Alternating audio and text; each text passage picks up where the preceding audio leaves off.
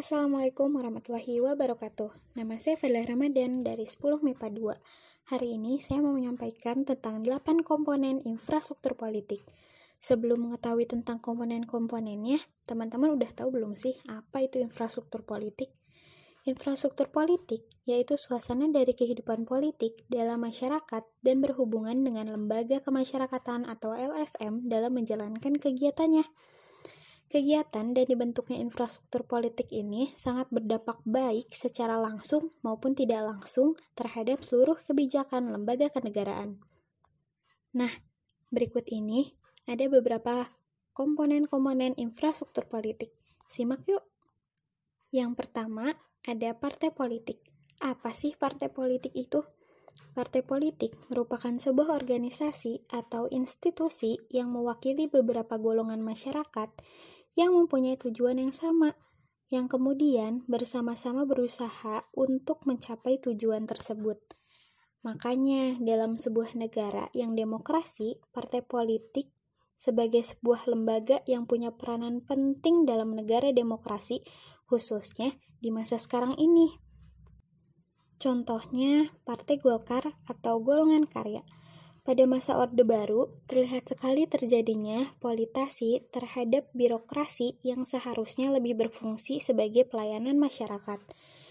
Jajaran birokrasi diarahkan sebagai instrumen politik kekuasaan Soeharto pada waktu itu. Setiap pegawai negeri sipil atau PNS merupakan anggota dari Partai Golkar. Yang kedua, ada organisasi masyarakat. Organisasi masyarakat dibentuk dengan tujuan pada bidang sosial ya, sosial dan juga budaya.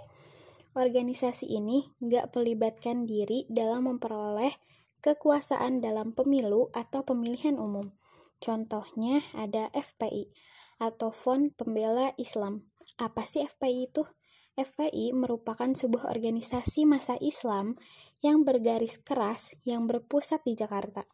FPI mempunyai Laskar Pembela Islam, kelompok paramiliter dari organisasi tersebut yang kontroversial karena melakukan aksi-aksi penerbitan terhadap kegiatan yang dianggap maksiat atau bertentangan dengan syariat Islam, terutama pada masa Ramadan dan sering berujung dengan kekerasan. Yang ketiga, ada ke kelompok kepentingan. Kelompok kepentingan ini merupakan kelompok masyarakat yang bergabung untuk kepentingan dan keuntungan warganya. Kelompok ini mempunyai aktivitas menyangkut tujuan yang lebih terbatas dengan sasaran monolitis dan intensitas usaha yang gak berlebihan dan mengeluarkan dana serta tenaga untuk melaksanakan tindakan politik di luar tugas parpol.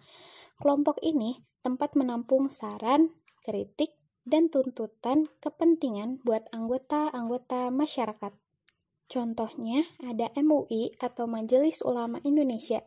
Berdirinya MUI pada akhir tahun 1975 ditunjukkan buat mendialogkan kebijakan keagamaan yang menyangkut muslim. Tapi pada prakteknya, MUI fungsinya untuk menyampaikan kebijakan pemerintah kepada umat muslim. Selanjutnya, yang keempat, ada kelompok penekan. Kelompok penekan yaitu kelompok manusia yang tergabung menjadi anggota suatu lembaga kemasyarakatan dengan aktivitas yang tampak dari luar sebagai golongan yang sering punya kemauan untuk melaksanakan kehendaknya pada pihak penguasa. Contohnya ada IWC, Indonesian Corruption Watch. IWC lahir di Jakarta pada tanggal 21 Juni 1998 di tengah-tengah gerakan reformasi yang menghendaki pemerintahan pasca Soeharto yang demokratis, bersih, dan bebas korupsi. IWC yaitu lembaga nirlaba yang terdiri dari sekumpulan orang yang mempunyai komitmen untuk memberantas korupsi melalui usaha pemberdayaan rakyat untuk melibatkan atau berpartisipasi aktif melakukan perlawanan terhadap praktek korupsi. Yang kelima, ada tokoh masyarakat. kelompok yang terdiri dari tokoh-tokoh masyarakat, yaitu meliputi tokoh agama, tokoh adat, dan tokoh budaya. Contohnya ada Aagim. Aagim pernah memandu acara ada Aagim. Di acara tersebut, dia sebagai ulama yang menyampaikan moral-moral menanggapi pernyataan-pernyataan yang ada seputar pemilu. Program ini mengandung nara program ini mengundang narasumber yang berkaitan dengan penyelenggaraan pemilu. Mereka di antaranya seperti tokoh parpol, tokoh masyarakat, cendekiawan, kalangan pengamat, calon presiden, dan calon wakil presiden. Selain narasumber, acara ini juga mengundang pemirsa buat hadir di studio dari berbagai kalangan. Pemirsa diberikan kesempatan untuk berdialog dengan para narasumber. Nah, yang keenam ini ada media massa. Media massa punya peran yang sangat penting untuk kehidupan seluruh masyarakat. Peran komunikasi sangat menentukan dalam menyampaikan informasi ataupun sebuah kebijakan pemerintah. Sejalan dengan tingkat perkembangan teknologi dan komunikasi yang semakin pesat, maka teknologi komunikasi juga mengalami perkembangan yang pesat juga. Tapi semua itu punya aksentuasi sama yaitu komunikator menyampaikan pesan, ide, dan gagasan pada pihak lain atau komunikan. Cuma model yang dipakainya berbeda-beda. Keikutsertaan masyarakat dalam menentukan kebijakan politik bisa disampaikan melalui media massa dengan partisipasi dalam polling jajak pendapat dan dialog interaktif. Hasil dari polling atau jajak pendapat tersebut akan merel merefleksikan arah kebijakan para politisi. Yang ketujuh, ada student group. Contoh sikap demokrasi di lingkungan sekolah belajar dengan rajin dan mengerjakan tugas sekolah. Student group adalah mahasiswa yang sedang belajar tentang politik di universitas masing-masing. Kelompok ini sering mengkritik keadaan politik dengan berdemo. Contohnya gerakan mahasiswa tahun 1998, yaitu salah satu faktor pendobrak buat terciptanya kebebasan sipil politik yang tersandra selama 32 tahun lamanya.